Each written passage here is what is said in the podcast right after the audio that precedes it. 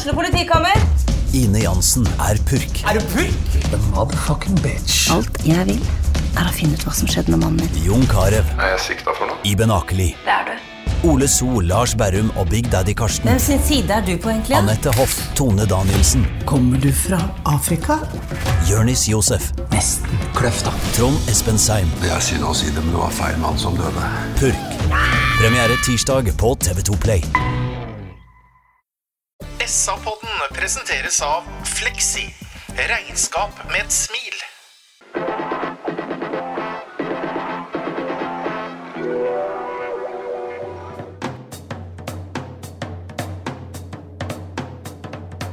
Sarpsborg Arbeiderblad gir deg en ny episode av SA-podden med Petter Kalnes.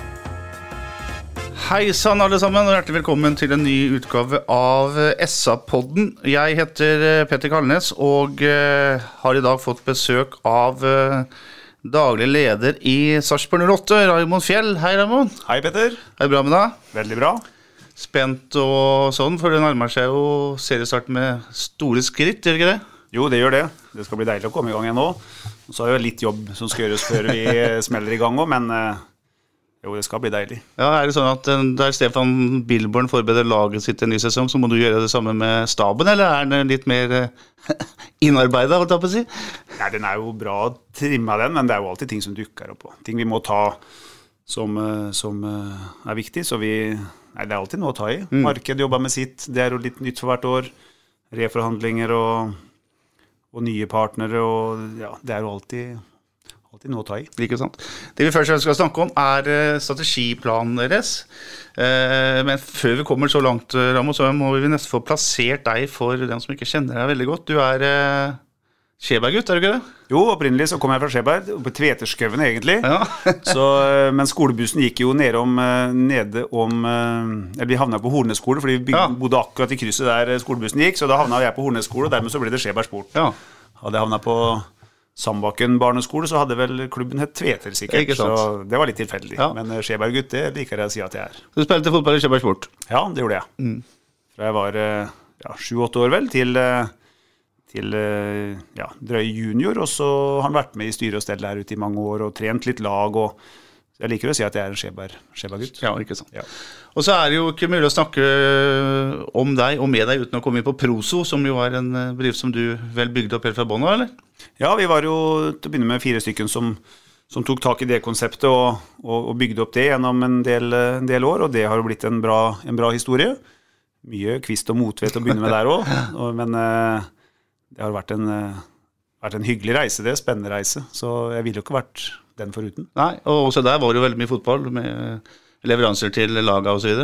Ja, det ble jo sånn etter hvert, når man på en måte dro i gang egentlig med dette med arbeidstøy og profiltøy, så kom det fort liksom inn på dette med, med klubb og forening, for de tok kontakt siden en har liksom holdt på med det i mange år. Og da, da ble jo det et, et av de fire bena som vi jobber med i Proso den dag i dag. Så det, det er jo en, et hyggelig miljø å jobbe i det. Ikke sant? Og etter hvert så ble jo også da Proso en del av Sarpsborg 8, eller kjøpte opp av Sarpsborg 8, ikke sant? Ja, helt riktig. Så det er en del, av virksomheten til klubben nå. Det er det. Ja. Men vi skal snakke om eh, strategi, og for det første så er jo det et, eh, et ord som inneholder veldig mye, og som kan være litt sånn svevende noen ganger.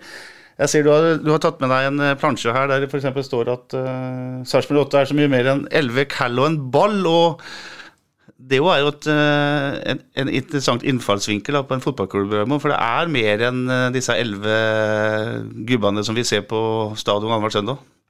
Ja, det er det, Petter. Og det som vi håper vi kan liksom bruke den eh, drøye timen her på, det er egentlig å gå gjennom eh, en strategiplan som forteller litt om, eh, om det vi har plukka ut som våre viktigste fokusområder, og se hvordan vi kan på en måte prøve å, å synliggjøre hvordan vi jobber som helheten i klubben. da. Og at vi dermed er mer enn elleve kall og en, og en ball. Og så er det vel ikke sånn at det å prate strategi, det er ikke alltid det mest sexy og mest, mest fancy i det, men det er nå engang sånn at når man har en klubb som eh, er på vår størrelse og omsetter for det man gjør, og det er så mange mennesker i sving, så, så må vi liksom skape oss en eh, felles retning og en, en felles vei å gå. Og da mm, har vi nå jobba godt med en strategiplan som vi føler henger godt sammen, og som er eh, Den er på et sånn et detaljnivå som, er, eh, som gir den, de, de gode retningene og de overordna bildene, uten at den er nede i så små detaljer at man på en måte kveler initiativ og energien til folk. For det er jo ikke meninga. Ja, men den er sånn at uh, også de som f.eks. driver med A-laget, skal ha, ha et forhold til den? Ja visst. Og vi, uh, vi kommer tilbake til det nå snart, på sport og spillogistikk osv. Og, så videre, og der må vi jo ha uh, klink klare mål for, for jobben vår. Og da må vi ha liksom en plan for hvordan vi når, når det vi skal snakke om. Og da og i ansettelsesforhold skal vi inn med en ny hovedtrener, inn med en sportssjef, øh, inn med folk i marked, så, så må vi vise på en måte hvor vi vil og åssen vi skal komme dit. Og så må vi jo se da om den personen vi vurderer å ansette, er egentlig interessert i det samme. Ja. Hvis det spriker voldsomt, så, så enten så må vi endre strategiplan, det er ikke sikkert det er smart, eller så må vi prøve å finne andre, andre kandidater til, til jobben. Så planen er veldig god å ha når man skal øh, foreta seg noen valg, da, enten er rekruttering eller øh, ta noen andre, andre strategiske grep.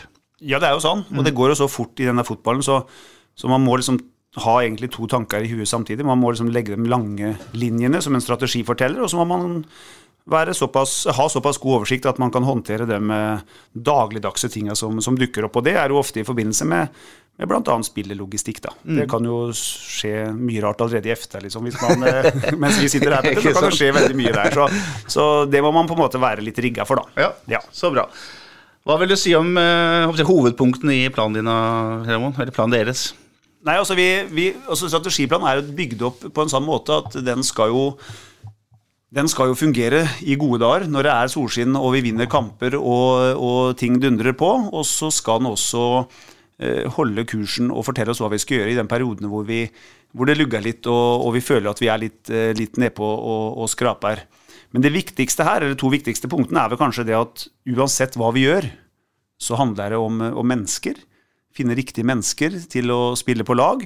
Eh, og så handler det om, om dette her med å, å skape en, en retning da, som forteller oss hva vi skal gjøre, men også hva vi ikke skal bruke tida vår på. Det er jo kanskje de to viktigste tingene. Men vi må ha med oss riktige mennesker, og mennesker som er motivert for å, for å skape utvikling. Det er vi helt uh, avhengig av. Og disse menneskene som vi snakker om, dem er jo også veldig viktige med tanke på at folk skal trives i, i, i klubben og den skal utvikle seg. Og så hører vi veldig ofte når, når spesielt spillere forlater klubben, da, så sier de at det er himla mye fine folk der nede. Er det et resultat av godt arbeid, eh, ansettelsesarbeid osv., eller er det, er det noe med hele kulturen på stadion som gjør at folk oppfører seg bra der nede, for å bruke et litt sånt enkelt uttrykk?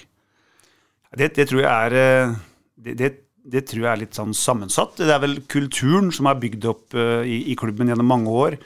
Og, og dette med omdømme og ha godt fokus på det, det er jo med å skape et grunnlag for en kultur. Og så må man jo da prøve å, underveis når man ansetter folk, å finne de personene som, som passer inn og kan være med å videreutvikle den kulturen som klubben er bygd på. da. Eh, og der tror jeg klubben har vært dyktig i mange, mange år på eh, på dette her med tydelighet overfor omdømme, økonomi, sport i den rekkefølgen osv. Det, det har jo satt sine spor, og det har liksom blitt en del av, av grunnmuren i, i klubben. Og det at eh, håper jeg, Cato Haug eh, og Espen Engebretsen, som dine forgjengere, snakka Snakka om omdømme på inn- og utpust en periode. Det, det har på en måte satt seg. Ja, definitivt. Og og så tror jeg man må være veldig opptatt av at om det er på personlig plan eller om det er på, på klubbplan, at det, det er jo liksom den der, Innimellom må man kanskje sette seg ned og tenke litt over liksom, hva er det som har skjedd på veien som gjør at vi er i den situasjonen vi er. For vi er tross alt en, en etablert eliteserieklubb som er rigga på en god måte. Eh, Vi har tolv år nå i, eller spiller tolvte året nå i, i Eliteserien, og da må man innimellom se seg litt i bakspeilen og si liksom, hvordan har vi kommet dit, og hvilke mennesker har vært med på veien, og hvilken enorm jobb har de gjort som har satt oss i den situasjonen vi nå er i. Og så er det jo opp til oss som er her nå, og på en måte videreutvikle da, og ta tak i det som er bra, og, og justere det som, eh, som kanskje er mindre bra eller utfordrende. Det er jo, det er jo dynamikken i hverdagen. Betyr det at det er, at det er mye i den strategiplanen som dere bygger videre på det som har vært bra tidligere, eller- er det mye nytt her òg som det går an å Nei, jeg tror det veldig mye her er ting som eh, det har vært jobba godt med i mange år, men som vi nå eh, er kanskje litt tydeligere på, spisser det litt og, og, og, og synliggjør da på en litt annen måte enn det som har vært gjort tidligere. Men at det har vært jobba godt i Sarpsborg 08 i mange år, det, det håper jeg ingen sarpinger er i tvil om. Ikke sant. ikke sant. Bare kjør videre. Vi, eh, i prestasjonen din, eh, Raymond, for den er eh, mange slider. Ja, det er mange slider Petter, men vi, skal, vi kan jo vi vi ikke bruke like mye tid på alt. eh, Vi kan ta den overordna saken sagt, som, som egentlig er styret over et årsmøtevedtak på. At vi skal, vi skal ha en ambisjon, og det å være en medaljekandidat. Og det er ikke nødvendigvis at vi skal ta medalje hvert eneste år i Eliteserien.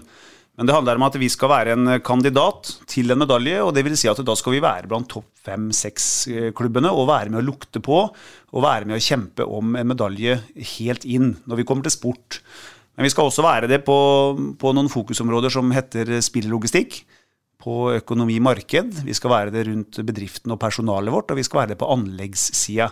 Og med det så mener vi jo at vi skal være blant de topp fem-seks klubbene i Norge på de, på de feltene som vi har kalt for våre fokusområder. Og så har vi noen føringer under sport, som heter menn og damer. Vi har under spillogistikk så har vi dette med spillerutvikling. Vi har dette med lønnsom spillogistikk, og så har vi under økonomi-marked så har vi dette med sunn økonomi, hvordan skal vi jobbe økonomisk i klubben, og så har vi bærekraft og rett kompetanse under personal, og så har vi da hvordan vi skal utvikle stadion, som er en føring under anlegg. Og der stopper liksom Det er styret og, og, årsmøtet som på en måte har fortalt oss at det er det som de ønsker at vi skal ha fokus på. Det er liksom din eh, ditt oppdrag som rett og slett er, eh, er på denne oversikten her.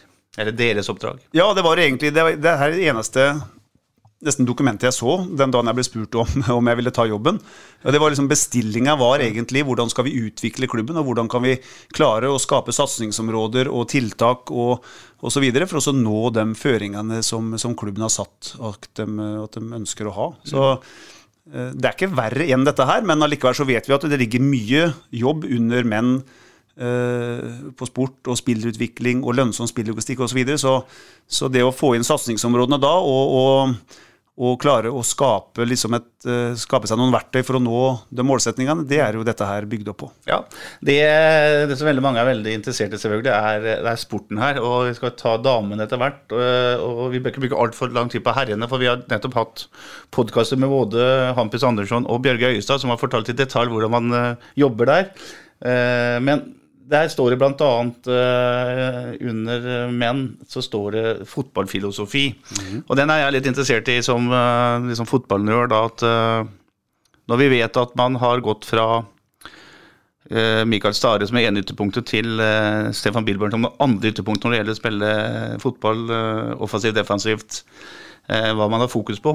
Uh, står det her at man f.eks. i framtida skal spille en fotball som er nærmere Stefan Bilborn enn en Michael Stare var, for å si det litt om tabloid? Ja, og det kommer vi til, eh, det kommer vi til nå ganske snart. Så skal vi si litt om Vi kan bruke litt tid på, på akkurat den. Og bare før vi dundrer nedover i dette, disse lysbildene, så er det sånn at vi, vi må være fullstendig klar over at det viktigste vi driver med, og, og det som er kjerna i klubben, det er sport, men elite. Det må vi liksom aldri glemme. Det er, det er hovedproduktet vårt. Og så må vi sørge for at vi jobber godt med andre ting, sånn at vi kan også heve oss på, på andre områder. Men det må liksom ligge i bånn. Det, det er hovedproduktet vårt. Riktig. Ja. Ja, men Da kan du fortsette på, på det du er inne på, Raymond. Ja, da går vi liksom til noe så enkelt som uh, kommer til en sportsplan. Det er, uh, det er noen føringer for hvordan, uh, hvordan Det vi egentlig akkurat har snakka om. At vi skal være på øvre del av Eliteserien. Vi, vi skal være medaljekandidat, og vi skal eh, ja, vi skal være med og, og, og kjempe på, på flere fronter. Så kommer vi til eh, noen satsingsområder, og her kommer egentlig det du spør om, eh, Petter. Det er, eh, ja, første her er noe hvordan vi organiserer oss i forhold til eh, hvordan klubben ser ut, og hva vi legger rundt A-laget vårt i forhold til trenerteam. Broa til A-laget kan vi se litt på etterpå, fordi vi, vi har jo en spennende sak der i forhold til hvordan vi får unggutter opp gjennom systemet vårt og over den broa som bærer inn til A-laget. Det er jo et sånn et evig, evig, eh, en evig utfordring. Og så har vi administrativt, vi har fysisk og ernæring, vi har mentaltrener, vi har materiell og utstyr, og så har vi dette med analyse. Sånn bygger vi opp organiseringa rundt, rundt A-laget. Så kommer vi egentlig til den fotballfilosofien som skal gjennomsyre hele, hele klubben, og den kan vi egentlig lese gjennom, for det er litt sånn det er hvordan vi ønsker egentlig å, å framstå. og Der står vi at vi Sarpsborg 8 skal være en hardtarbeidende, et ambisiøst og et fartsfylt lag. Vi skal ha en fremoverlent holdning, og i alle sammenhenger ønsker å prege de kamper laget er involvert i. Dette skal være gjeldende for alle klubbens lag. Vi skal totalt sett spille en eh, underholdende fotball som bidrar til at vi tiltrekker oss spillere som ønsker å utvikle seg, samt at vi engasjerer vårt publikum. Offensiv vinnervilje kombinert med grundighet og helhetlig lagarbeide skal gi oss gode opplevelser både på og utenfor banen. Den fotballfilosofien der ønsker vi skal liksom sy gjennomsyre alt vi driver med på sport nede hos, eh, nede hos oss. Ja, og Det betyr at når man skal etter hvert eh, kanskje må rekruttere nye trenere, nye trenerteam, så har man dette her å gå ut ifra. Ja, da ligger, det i, da det i bånn. Og kommer det da en trener på andre sida av bordet som syns dette her er helt, helt på trynet, så må vi jo vurdere om det er en trener vi skal i hele tatt orke, å bruke noe mer, tid. Noe mer tid på. Men det, allikevel, det her forteller oss hvordan vi ønsker å, å fremstå, men allikevel så er den ikke Så det- det gis jo mye rom her det er det til, til rett person. For Drillo kan også si at han spilte underholdende fotball, det syns jo alle om Drillo på 90-tallet, helt til han begynte å tape. Eh, og mange, mange spiller jo en eh, helt annen fotball enn det Billborn gjør, men samtidig vinner, og da er det på en måte Da er jo folk fornøyde. Men dere går ikke noe dypere inn i materia enn det du har sagt nå. Jeg tenker på tallformasjoner, altså eh, trebekslinje, firebekslinje osv. Det gjør dere ikke. Nei, det gjør vi ikke. Men det som vi skriver om her, og som vi mener, det er jo at vi skal spille en type fotball som, som tiltrekker oss spillere. Eh, og når Stefan Johansen, Jo Inge Berge og disse ungguttene nå med, med Ørjasæter osv. Eh, signerer med oss fordi vi spiller en, eh, en underholdende og, og, og god fotball, så er det klart at da, da gir den setningen der mening. Absolutt. absolutt. Så det var, det var den. Vi har litt i forhold til eh, fremtoning, hvordan vi, eh, hvordan vi ønsker å, å, å fremstå. Det sk drar vi litt med oss i sportsplanen vår. Så kommer vi inn på dette her med faglig samarbeid. Vi må jo ha et samarbeid opp mot NTF, NFF, eh, andre toppklubber rundt oss, både nasjonalt og internasjonalt. Og så har vi skoleverket eh, og idretten rundt oss, altså breddeklubbene, og, og dette med toppidrett, altså St. Olav og toppidretten rundt oss, hvordan vi, hvordan vi samarbeider med, med dem. Det skriver vi litt om. Så kommer vi på det store punktet, Petter, som heter eh, lønnsom eh, spillogistikk. Eh, Det er jo spennende. Og rundt lønnsom spillogistikk så, så er det jo mye eh, altså vi, vi prøver også å balansere også det, da, så ikke vi eh, også der skal ta livet av, av, av noe som helst, men prøver å holde oss innenfor litt sånn overordna eh, En overordna strategi, da. Der er jo, når det gjelder eh, ja du kommer med, Det handler mer om spillogistikk her, men der er jo et, eh, det er jo noe som, som Sarpingen er veldig opptatt av. Ikke minst det med tanke på å få kontinuitet i et lag. da, Slik at man eh, etter hvert kan havne enda høyere på, på tabellen. Er det noen uh, balanseganger her? Er det noen uh, motsetningsforhold mellom uh, lønnsom spillogistikk og det å klare å bygge et lag på litt sikt? Nei, egentlig ikke. Vi skal se litt på det òg, for vi, det er sånn at uh, man må jo ha eh, økonomien på plass for å kunne eh, på en måte få litt eh, forutsigbarhet i, i sportsbiten. Og så må man samtidig spille en, en attraktiv og god fotball for å få inn riktig type spillere som igjen er salgbare. Så dette her henger jo i sammen. Derfor har vi vel også sagt at vi skal vekte altså lønnsom spillogistikk det skal vi vekte eh, nesten 50-50 i forhold til sport og økonomi. Det, for det ene klarer ikke å stå alene. Og der har vi jo litt rundt dette her med, med det sportslige utvalget som vi har eh, satt sammen. eh, som består av Det kommer vi også litt tilbake til, til etterpå. Det er mye vi kommer tilbake til etterpå, Petter, så det her kan bli, bli langt. Men vi kan se litt på den sliden der. Og den, hvis du husker tilbake litt når vi Det var vel nede på Tunehytta, tenker jeg. For en halvannen type år siden så prata vi om den der for første gangen, og der var jo, der var jo du. Og så husker jeg du sier at dere, dette her må du predike, og dette her må dere som klubb liksom virkelig ha med dere ja, inn i, i, i hverdagen. Og det har vi hatt. Eh, og vi begynte jo egentlig ja, Hvis vi sier at vi i, eh, midt i fjorårssesongen så begynte vi å, å virkelig fokusere på den biten her. For den, den, at dette her har vi jo hatt klart en god stund. Eh, og hvordan vi bygger da opp Eller prøver å sy sammen spillertroppen. Og da består egentlig sjølve spillertroppen av tre typer kategorier. Eh, Det er dette vi kaller for toppspiller. Det er spillere med spesielle egenskaper. Det er ledere på utenfor banen. eh, Kanskje spillere som, som drar inn mye erfaring, som, som har den, den spisskompetansen som skal til for å, for å kanskje være en medaljekandidat, for å si det sånn. Mm. De sier vel at det i sted mellom to til fem sånne typer spillere kan vi ha i, i troppen til enhver tid. De har gjerne en høyere alder. Eh, Dette med lagspillere, det er jo det det er flest av i et, eh, i et lag. Det er bærende spillere, det er kvalitet, erfaring, det er et aldersspenn på kanskje alt ifra ja, 20 par og 20 år opp til en 7-28 år, som det vanligvis ligger innenfor. Og så har vi disse spillerne da med høyt potensial, det vi kaller for salgbare spillere. Eh, Det er jo spillere som er i, rett alder i forhold til det å at andre klubber er interessert i dem. Eh, Og der sier vi at vi ønsker å ha tre til fem i stallen til en- enhver tid. Og Neste slide så skal jeg vise deg litt som, som forteller hvordan vi ligger rigga akkurat akkurat i dag. Eh, Det optimale er vel egentlig da å ha 23 spillere i en, i en tropp, fordelt på de kategoriene som, som da er toppspiller, lagspiller og spillere med høyt potensial. Ja, og her har klubben tatt en regning fra det som var tidligere, eh, da man gjerne hadde enda flere folk, enda flere spillere i stallen. Ja, vi har jo vært tydelige på det, at vi ønsker å spisse. Og vi ønsker å, å prøve å tiltrekke oss litt mer, eh, ja, litt mer kanskje kvalitet da, enn enn kvantitet. Så er jo det også Vi må jo også ha spillere som, eh, som er Vi må jo ha en stor nok tropp. Vi vet hva som skjer i løpet av sesongen med skader osv. Men så har vi også en, en, eh, en bolk her som eh, heter Unge talenter. Og hvordan vi skal klare å uh, tilrettelegge og, og planlegge og lage en god treningshverdag og plan, godt planverk for, for de unge talentene som da står på den broa inn til, til A-laget. Der må vi bare innrømme for oss sjøl, det har vært for dårlig. Rett og slett for dårlig i mange, mange år. Eh, Men har tatt tak i også det, og har eh, nå klare både utviklingsplaner for spillerne i utviklingsavdelingen, men også når vi kommer til et visst punkt hvor, hvor spillere står på den broa inn til A-laget, at vi også der setter oss ned og lager karriereplaner for dem. Hvor, de, eh, vi må se kanskje to og tre år fram i tid, og hva skal til på veien for å kunne bli en eliteseriespiller i, i, i Sarpsborg.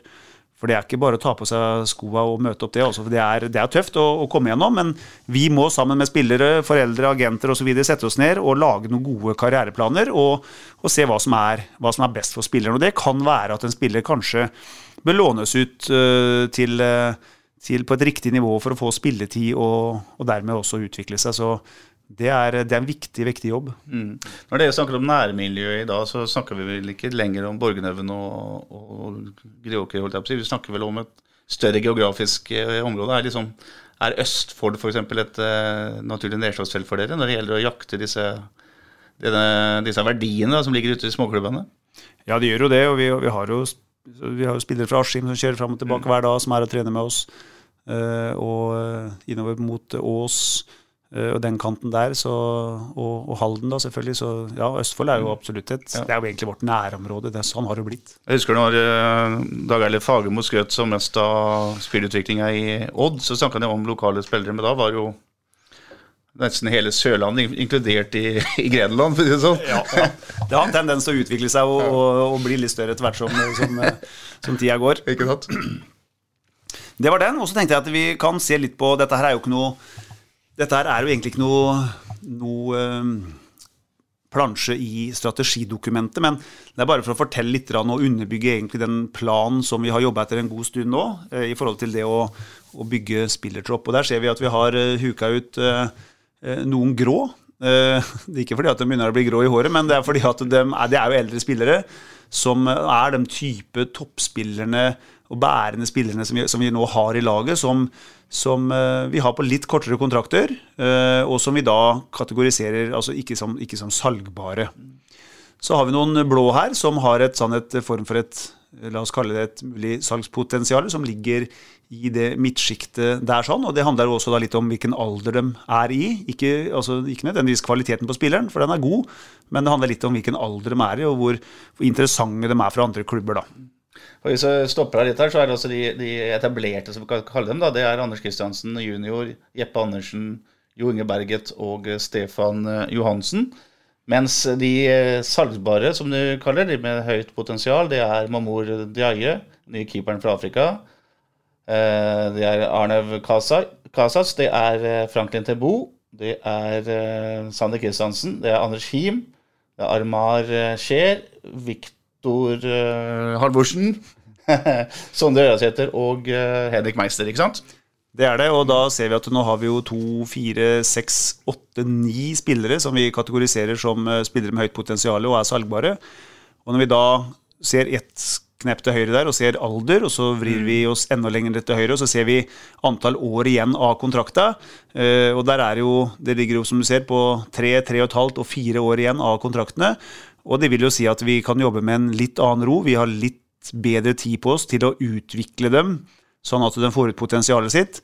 eh, og er helt da i tråd med, med den strategien som vi har sagt vi skal bygge klubb eh, på. Så, og ser vi helt i bånn der, og så ser du snittalderen, som også vi har dratt ned de siste, siste åra, fra 2023 på 26,2 år til nå 24,8. Eh, og kontraktstida helt til høyre der, som vi i 2023 hadde på 1,9, nå har vi den på 2,3 år. Så dette her er, det er sånn vi, sånn vi ønsker å, Ja, å bygge Og troppen. det siste må jo være veldig viktig, så man unngår situasjoner som man hadde etter 23-sesongen, f.eks. når veldig mange kontrakter på sentrale spillere gikk ut samtidig. Ja, det er jo øh, ja, det, det, det er jo sånn det er. Det er jo ikke noen drømmesituasjon, men det, det kan godt hende vi kommer til å havne i sånne situasjoner igjen også. Men målet her er jo at vi har spillere på lengre kontrakter, sånn at vi, både vi og spilleren har litt mer ro på oss til å få gjort dette her, øh, gjort dette her skikkelig, og, og utvikle deg sånn at vi kan ta det neste steget. Ikke sant? Så det er bare for å vise deg litt, mm. litt oversikten rundt det. Er 24,8 år i snitt en sånn, eh, i nærheten av en ideell alderssammensetning? Ja, jeg tror det. Rundt 25 år? Jeg tror det. Jeg tror vi, sånn som vi er rigga akkurat nå, hvis man fryser allting nå, så tror jeg vi er rigga på en sånn måte som er fornuftig i forhold til hvordan Sarpsborg 08 skal, skal se ut. Så kan vi jo rusle videre nedover, så kan vi se litt på den plansjen som heter eh, hvordan vi vekter dette her. Det har vi jo snakka litt om, i forhold til hvordan vi vekter lønnsom spillelogistikk, sportslig og økonomisk. Eh, så kommer vi til dette her med scouting-analyse. Hvordan jobber vi med det? Og så har vi laga noen rutiner eh, i forkant av sesongen nå i forhold til hvordan vi Altså on- og offboarding av, av spillere. Og den går på liksom det som skjer før spilleren ankommer. Eh, I forhold til scouting, i forhold til planlegging av spilleren. Det går på transport og installasjon. Hvordan får vi spilleren ned på stadion, og hvordan tar vi den imot, og hvordan sørger vi for at han, at han eh, blir innkvartert. Og så har vi den første dagen, og vi har daglige rutiner under oppholdet. Og så er det jo etter hvert som spilleren har vært her og, og, og fått vist seg fram, så skal vi vurdere å og gi en tilbakemelding på veien videre. Og så er det eventuelt avvikling av spillere. Ikke nødvendigvis bare den prøvespilleren, men hvordan vi også avvikler spillere ellers i, i klubben. Det må vi bli, bli bedre på og har laga en, en, en god plan på det, som er som er, og den er veldig sånn spesifikk. Den er ned på, på rollenivå, sånn at alle vet hvilken rolle og hva de skal gjøre når, når en prøvespiller kommer. Ja, Bare det å få installert dem på en ordentlig måte må være utrolig viktig for, for gutten som skal prestere. da. Ja, altså noe med hvordan vi på en måte som klubb blir oppfatta ute i fotballverdenen òg. Når, når agenter og, og, spillere og andre klubber vet at når de kommer til oss, så, så blir de godt, godt, mottatt og ivaretatt. Det er klart det er, det er viktig. Det er, et, det er, jo en av forskjellene våre, det. Og Der ser vi bare støttegruppa også, som mm. har kommet inn nå og, og gjør en, har en tre-fire punkter i, i den uh, i den planen hvor de skal være med og, litt sosiale rundt spillere, ta dem litt ut osv. Det er bare det i seg sjøl er jo veldig veldig viktig. Jeg så mesterkokken Tor Arneberg hadde et lite kokkekurs med en av de nye, annet. Ja, det var han Terje har jo tatt det med seg ut, og ja, ja. de er på spart. Altså, det er, det er, det er helt, helt, nydelig å se, og de har et engasjement. Og, og dermed så blir de også De får også en følelse at de, at de, at de er med og bidrar og, og er med å løfte fram, fram spillerne, og den dagen som vi eventuelt finner en spiller, og den spilleren kanskje da debuterer på A-laget vårt, eller som en del andre har blitt videresolgt, så, så føler de et eierskap mm. til det, og så er de veldig, veldig stolte av det. Og det er, det er veldig bra. Det litt, kan nesten virke litt banalt, men det er utrolig viktig, da. At, at, du, at du, føler deg, når du kommer et nytt sted, at du liksom føler deg velkommen og blir, blir hjulpet på plass.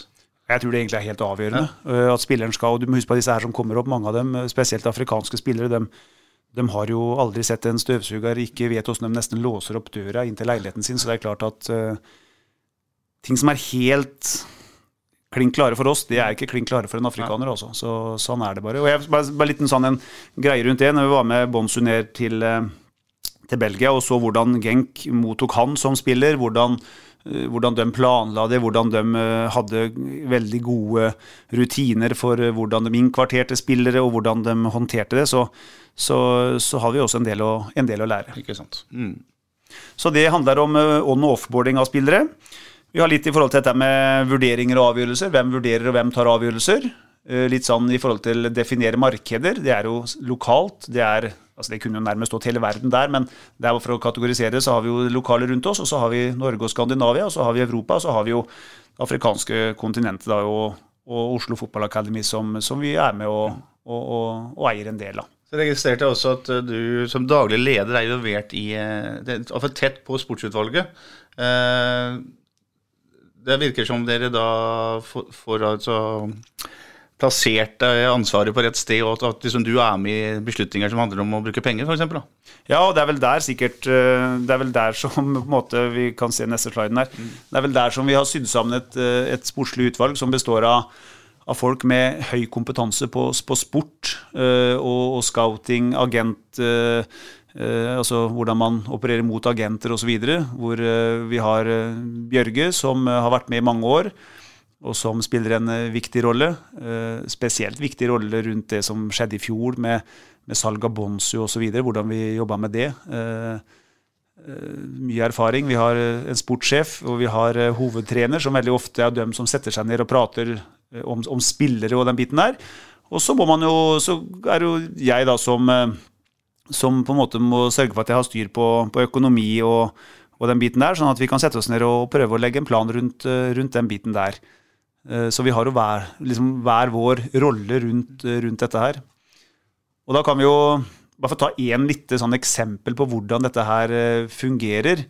Og når det fungerer godt, det er jo litt den casen rundt Viktor Torp og, og, og Sondre Ørjasæter, hvor, hvor vi eh, først og fremst da med, med, med, Bjørge og, og Hampus eh, det som s- s- jobber med, med, med spillere og agenter, og så jobber vi parallelt med et salg, samtidig som vi eh, jobber da med et, et kjøp. Og så ser man hvordan dette her går an å, å få til hvis man, eh, hvis man jobber sammen og, og spiller hverandre gode og forstår rolla si. Det er litt viktig her det òg, at vi har en rolleforståelse. Altså Jeg har ikke noe rolle i forbindelse med, med verken scouting eller se kvalitet på spillere eller noe som helst. Jeg kan godt mene noe om det, men eh, det skal jeg ikke gjøre i et sannhet, et, eh, sånn et fora. Jeg må skjønne min, min rolle, og så må dem som virkelig kan faget, dem må få lov å og, og, og jobbe med det de skal jobbe med. Men når vi syr dette her sammen da, og klarer å jobbe parallelt og klarer å skape f.eks. en case som vi gjorde med, med Torp og, og Ørjasæter sammen, så, så er det sånn som vi ønsker å jobbe med, med spillogistikk. Det var, eh, det, var, det var egentlig en veldig kul, kul greie. Og det ble jo bra uh, på alle mulige måter. Både for, altså for begge spillerne, for uh, tre klubber her, og, og så, så det var en Nei, det var en, det var en Hvis jeg kan kalle det en, en kul måte å jobbe på, så, så var det faktisk det. For det er mange som var involvert, og mange som har et eierskap til nettopp den, den casen. Hvor viktig er hovedtreneren din i det utvalget her, ja, Raymond? Altså, han har jo sine ønsker og sine behov rundt laget, men her er det på en måte med i hele prosessen. da. Ja, det er jo viktig. Og vi, og vi må jo aldri glemme det at vi har med Vi har enorm eh, kapasiteter i, i Stefan, i, eh, i, eh, i eh, Jokke osv. Og, så og vi skal ikke glemme sånn som Dag Tore, som sitter bak her og lager mye råmateriell. Vi skal ikke glemme dem som jobber, eh, som ikke er så synlige, men som faktisk bidrar i, i stor grad her. Også. Så en hovedtrener med hans team er jo veldig veldig viktig når vi skal sette oss ned og, og gjøre en vurdering på det som handler om eh, sport. Og så får jo andre håndtere økonomien i dette, her, så må vi sy dette her sammen til å, å, å bli klubbstyrt. Og det er noe av det som er, kanskje er viktig her, det er å skape noe som eh, vi som klubb står bak. Ikke én og to personer, men eh, vi som klubb. Ja, Så det er ikke, det er ikke hovedtreneren eller en sportssjef som på en måte kjører showet, her er klubben som står bak. Ja, det er, eh, og det er noe av greia her. sånn. I tillegg så er noe av styrken i et, i et sportslig utvalg, da, det er jo at det hender jo eh, i alle bedrifter at det er utskiftninger. Eh, og det som er noe av målsetningen med dette, som jeg syns kanskje er noe av det viktigste, det er at det ligger kompetanse igjen eh, i et utvalg som den kan bygge videre på. Når f.eks. jeg som daglig leder eller sportssjef eller hovedtrener forlater klubben, så, det, så ligger det noe igjen å bygge videre på. Det er viktig. Så er det ett lite punkt til som, som også er litt viktig i et sånn henseende, det er i forhold til kanskje hovedtrener, utviklingssjef osv. i en sånn gruppe, det er at man får litt mer informasjon og et litt større bilde å jobbe ut ifra når man skal være med og ta avgjørelser. Så når Stefan eh, eventuelt skal ta en avgjørelse på om han skal skrive en ny avtale med oss, så skal han basere det på noe mer enn bare det som skjer rundt eh, seg og sitt, rundt A-laget. Han skal basere det på litt mer på klubb og helhet, i forhold til hvilken retning klubben som helhet er, eh, er på vei. Og, og, det tror jeg også er viktig. og kan hvis vi jobber godt, så kan det bikke til vår fordel når vi står i en sånn, en, sånn en case. Mm. Det må også være viktig med tanke på hvis det sportslige er ute etter f.eks. For forsterkninger, og, og, eh, sitter i samtaler med sportsutvalget, inkludert deg, og får, får beskjed om f.eks. hvorfor man ikke kan gå for et case eller en spiller da, som er, eh, koster så mye penger. Altså, du, de, de, får jo et eh, beslutningsgrunnlag, dem òg, som er ganske bredt her. At de, ja. har, at de, vet hva som skjer i indre livet i klubben mener du? Ja, absolutt. Og det slår det begge veier. Noen ganger så kan det hende at vi har gjort oss opp en mening, men så kommer hovedtreneren inn, eller eller sportssjef eller en utviklingssjef for så vidt, og, og kommer med et helt annet innspill og har, og har jobba godt siden vi hadde forrige prat om det, og så må vi, så må vi endre oss. og Det, jo, det slår begge veier, det. Mm. Men det, det, er veldig kult å jobbe i team, og det er veldig artig når vi når de måla vi setter oss, og, og, klarer å få det til sammen. Det er veldig, veldig bra. Men bare for å poengtere det, det er mange bak her også som gjør en fantastisk jobb, men som ikke er veldig synlig i en sammen sammenheng. Mm. Så det er litt viktig å poengtere. Mm. Og da har vi jo neste plansje her som viser egentlig nettopp det. Eh, det er altså en sportslig virksomhet i en eliteserieklubb. Den består av veldig veldig mye. Det er dette med klubb, sport og sportlig altså relatert uh, arbeid. Det er treningsprosess, det er kampprosess. Og så er det en del annet sportsrelatert arbeid. Det er ca. 75 punkter som vi føler at er viktig å ha fokus på. Og da sier det seg sjøl at det klarer ikke én eller to personer å ha styring på. Men uh, her må vi spille hverandre gode, og så må vi finne ut hvem som er gode på hva. Og så må vi sy dette her sammen, sånn at vi, vi ikke bare har fokus på punktene, men får mest mulig ut av det og blir best mulig på dem.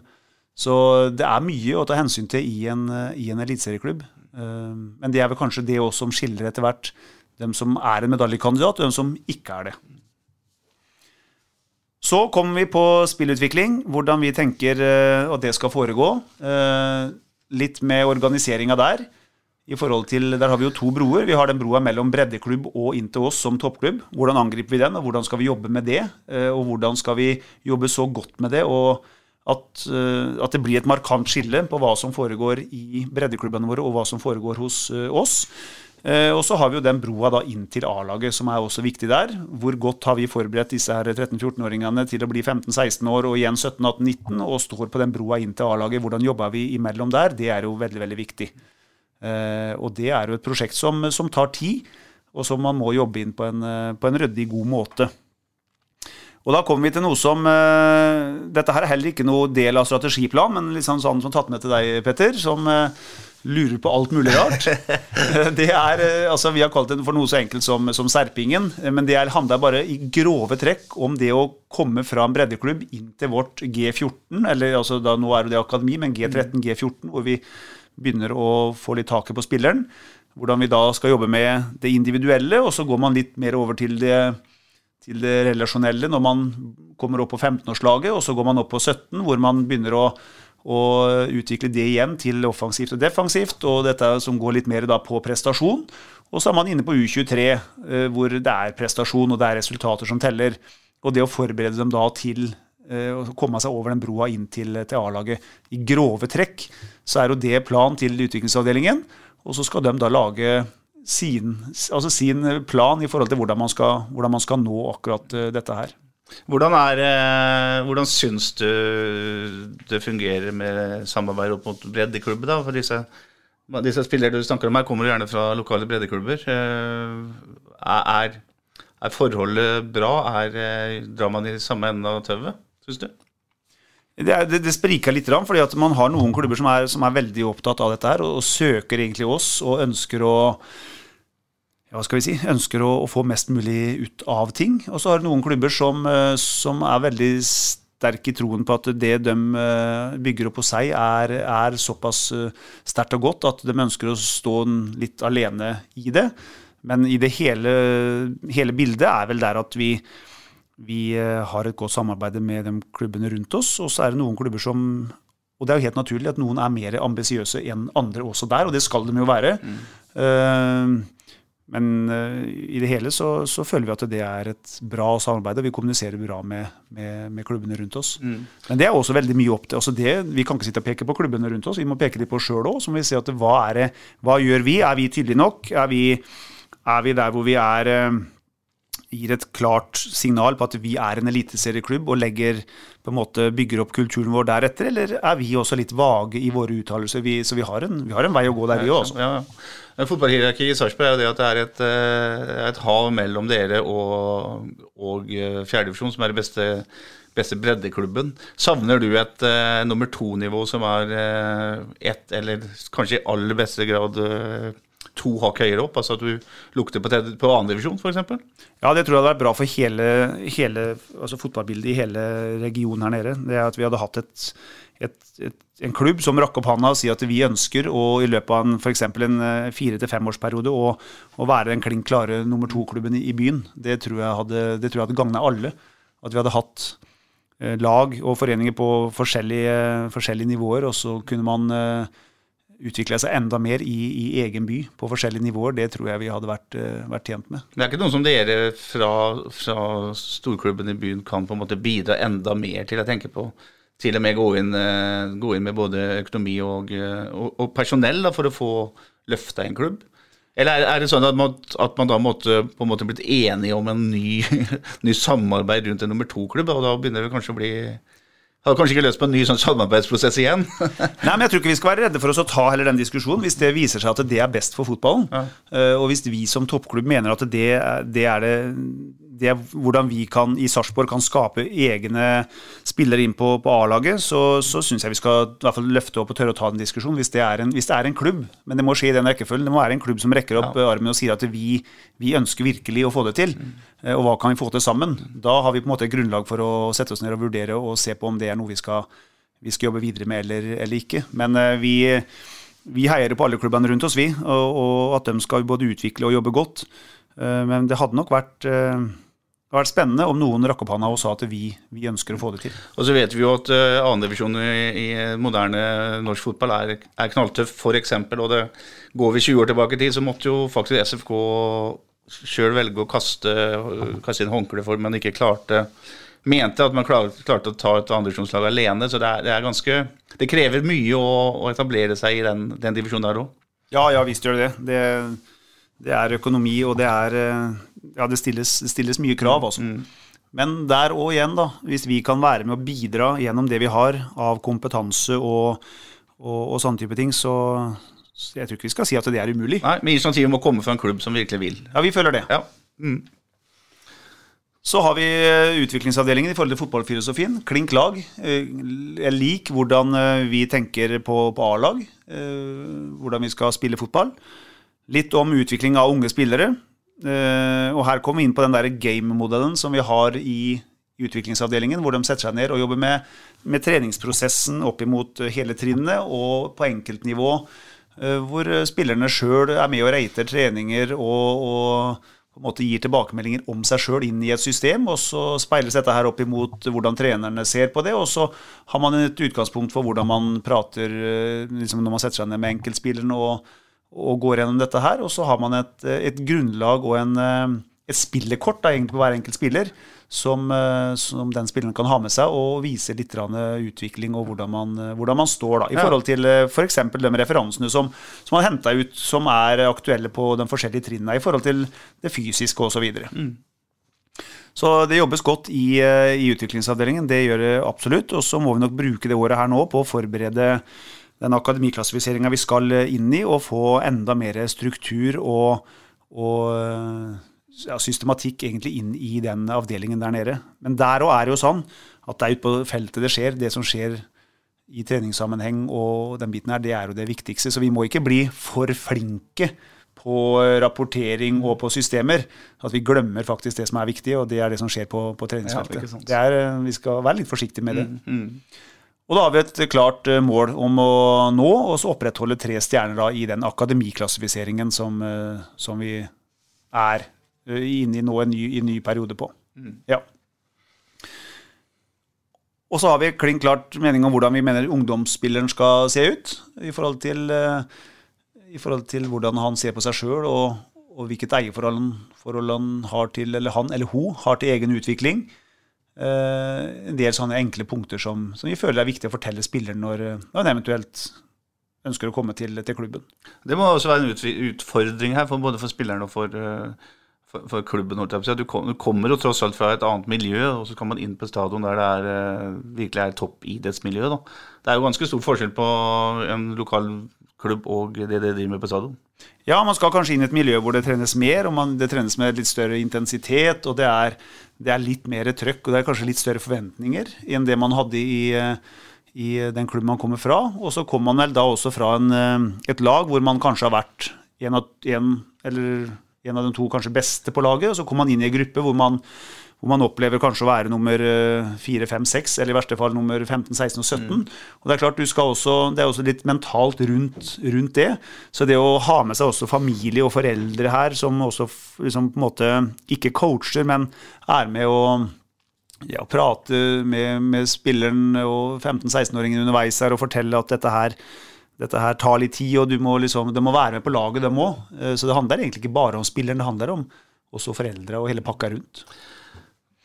Det er et interessant tema, syns jeg, det med foreldre. Er det sånn at uh, foreldre spiller en, skal vi si, en litt mer uh, En annen rolle i, i, moderne fotball, i et moderne samfunn, enn det man kanskje tradisjonelt gjorde, da man kanskje kjørte ungene på kamp og trening og fulgte med litt, men ikke, ikke skal vi si, blanda seg så mye inn i det?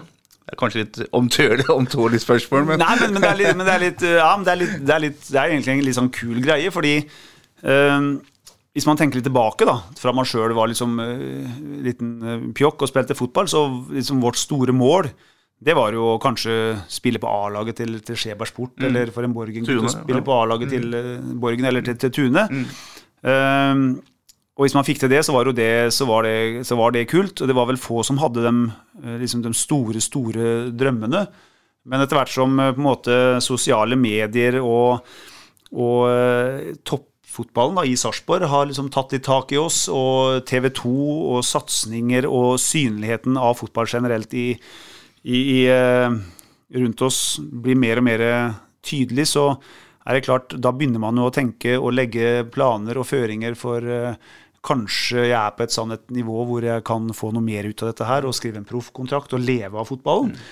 Og det er klart, Da er det nok en del konstruktive, gode samtaler rundt middagsbordet rundt omkring, og, og foreldre som uh, som syns dette her er spennende og, og, kaster seg på. Og så kan det jo føre til at uh, enten at det ender bra, eller så kan det også føre til at, der, uh, at spilleren rett og slett uh, etter hvert mister helt, helt, gnisten og helt lysta. Så det er jo det å balansere, balansere, det. Så det vi håper at foreldre kan være med å bidra til, det er jo å være en støttespiller og, og hjelpe til. Og sørge for at man får i seg nok mat, man mm. sover og man tar ikke minst skolearbeidet skikkelig. Eh, og så er det opp til også en klubb og til trenere og apparatet rundt å sørge for at, der, at der, eh, man utvikler seg som fotballspiller. Da. Så får man jo jobbe godt på flere punkter, så får man se hvor det, hvor ja. det ender. Og man på en måte stoler på at læreren på skolen og treneren på fotballen uh, gjør en riktig jobb og gjør jobben sin. Ja, og det er den 24-timersutøveren som, som handler om søvn, restitusjon, mm. få i seg nok mat det å ikke minst ta skolehverdagen skikkelig, jobbe godt med den, så man er rigga dersom det skulle skje at man ikke kan leve av idretten sin. Da, for det er jo svært, svært få som får gjort det. Og da er det viktig å ha fokus på at man også tar skolearbeidet skikkelig og legger til rette for at det kan fungere. Mm.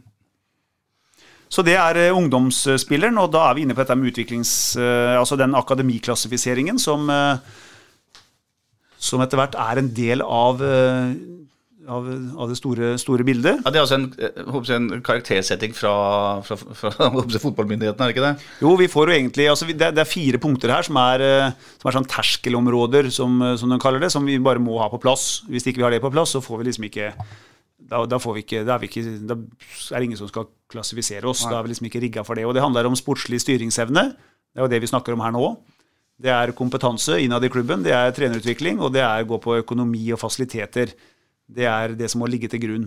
Og så blir man målt da på spillogistikk, dette med planverk, dette her med treningsprosessen i hverdagen, spillerens kampår osv. Så, videre, så får man poeng etter man, eh, hva man eh, har av planverk, og hvordan man utfører, og så gir det en sluttsum. Og så blir man da satt i enten en bås som heter én stjerne, eller helt opp til, til fem stjerner. Sist vi var beklassifisert, så oppnådde vi 102 poeng. Eh, og dermed så handla vi på to stjerner, og nå så ser vi at 115 poeng ville da gitt oss tre stjerner. Og vi mener jo allerede med den jobben vi nå har gjort, så er vi godt i gang med å klatre opp på tre, på tre stjerner. Så dette her er Og dette her er egentlig en, en, en, dette her setter egentlig utviklingsavdelingen vår da, inn i et system og gir oss noen rammer å, å jobbe etter, og det er egentlig veldig veldig ålreit. Samtidig som det stiller krav til oss som, som, klubb i forhold til styringsevne og i forhold til å ha økonomi og, og, og rett kompetanse på plass. Petters quiz. Da skal jeg eh, få til å stoppe der litt, eh, for når du kjørt showet showet lenge. Nå er det endelig min tur. Det gleder jeg meg veldig mye til. vet du, Det er quiz. Oi. Du har vel frykta den, eh, kjenner jeg deg rett? For du har jo du er godt forberedt. Vi får se, da. Dette her er jo Jeg tror ikke det er så veldig lett, faktisk. Men det er jo sånn at siden 1948 så har det jo vært en eh, en Vi kan holde oss i 1963, tenker jeg. For da ble tiklubbserien i Norge innført. Og fra 1963 og fram til da så er det lagd en eh, maratontabell. Det vil si, det var jo ikke norsk fotball heller, for det var jo ikke nordnorsk fotball før i 72. Og Finnmark kom ikke med før i 77. Jeg klarer å plassere noen av de ti klubbene som er øverst på maratontabellen, da. Ja, altså, ut, fra, ut fra hvor mange poeng man har tatt på øverste nivå siden 1963 og fram til da. Ja, man, da, tenker du, da, tenker du, klubber uh, totalt sett i, i hele, hele systemet. Vi har vel noen lokale der. Uh, vi har vel sikkert Fredrikstad med der, vil jeg tro. Nei, ikke siden 1963. Ikke siden 1963, nei. nei. Men da prøvde jeg å snakke over Fredrikstad, og, og bomma jo der. Ja. Men vi, altså, ja, skal vi si, arbeidet? Vi har vel sånn klubber som Lillestrøm, Viking, vil jeg vel tro er, er med der. Odd. Uh, hvis vi Vålerenga bør vel kanskje være med i det selskapet der. Uh, ja, klubber som uh, Hvis vi tenker oss litt uh, Rosenborg bør vel være med, selvfølgelig. Bodø-Glimt har vel kanskje klatra seg opp etter hvert. Uh, så må vi liksom prøve å skanne dette her eh, landet som heter Norge, da, og så må vi prøve å finne ut hvor vi Par, eh, Du har et medaljelag eh, Da får du to medaljelag fra i fjor, i tillegg til Ja, vi snakker om Tromsø, eller? Mm -hmm. uh, ok, og så har vi jo da Molde. Mm.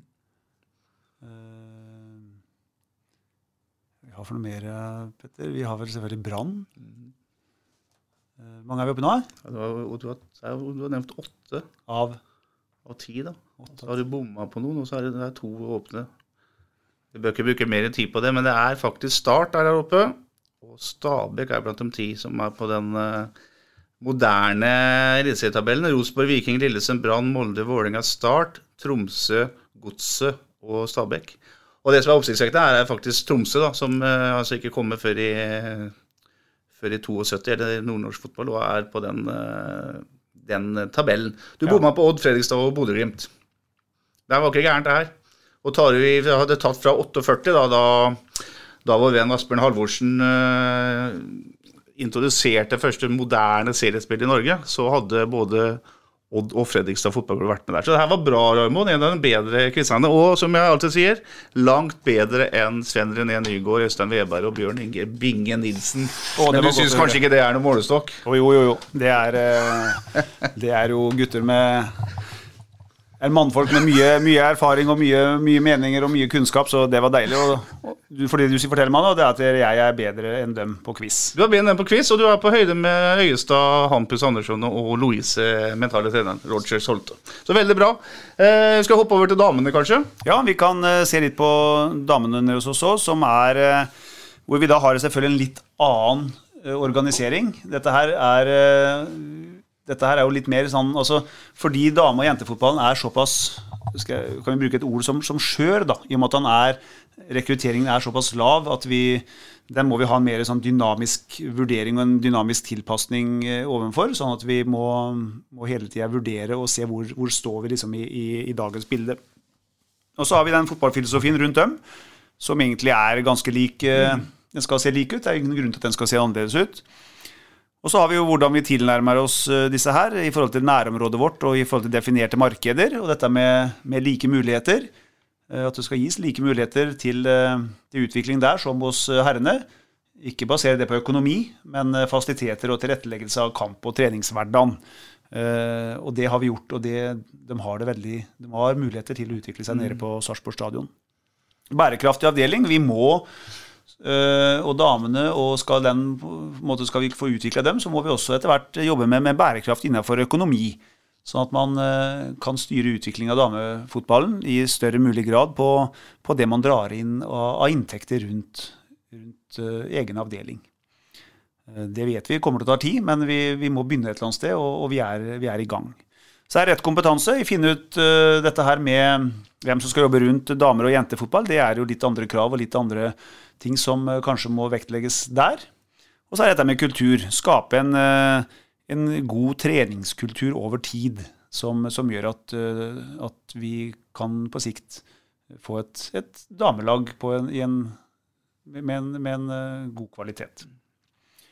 Og utvikling av unge spillere bør heller ikke se noe annerledes ut på jentesida enn på guttesida. Heller ikke ungdomsspilleren bør se noe annerledes ut. Det er ikke noen grunn til at vi skal stille noe verken strengere eller mindre krav til, til jentespilleren enn en guttespilleren. Det, jo, det er jo veldig mange av toppklubbene på herresida som har lykkes med, med damesatsinga si, og det skjer, ser vi gjennom hele Europa òg. Sarpsborg 8 var jo nærme eh, for noen år siden. Var eh, detaljer fra å rykke opp i, i eh, toppserien. Var, var eh, overtidsmålet fra å vinne NM for junior, hvis ikke jeg husker helt gærent nå. for Altså junior damer. Og så har det gått litt tråkkere. En periode så tok man en, til og med et valg om å trekke damesatsinga. Den ble vel litt sånn pressa tilbake av bl.a. Uh, sponsorer. Hvor, hvordan, eh, hvorfor har man ikke lykkes bedre, Raymond, sånn som eh, situasjonen er nå? Jeg tror det må liksom løftes litt ut og litt breiere enn bare å se liksom inn på hva Sarpsborg 08 har gjort i forhold til det. Jeg tror vi må adressere faktisk en del til, til flere, altså krets, i forhold til øh, klubber rundt oss òg. For det er jo ikke sånn at det er bare det er ikke sånn at det er Sarpsborg 08 sitt ansvar og, og egentlig plikt å få fram gode jentespillere. Det må vi på en måte få også ut i, i breddeklubbene, hvordan man jobber med jenter og, og kanskje stiller eh, skal jeg være forsiktig med hva jeg sier, men altså man stiller enda større krav tidligere. At man er mer på og, og behandler kanskje eh, gutter og jenter litt mer, litt mer likt da, fra tidlig alder. At man tør å stille krav. For jeg tror at det er veldig mange jenter her ute som, som har veldig lyst til å få det til.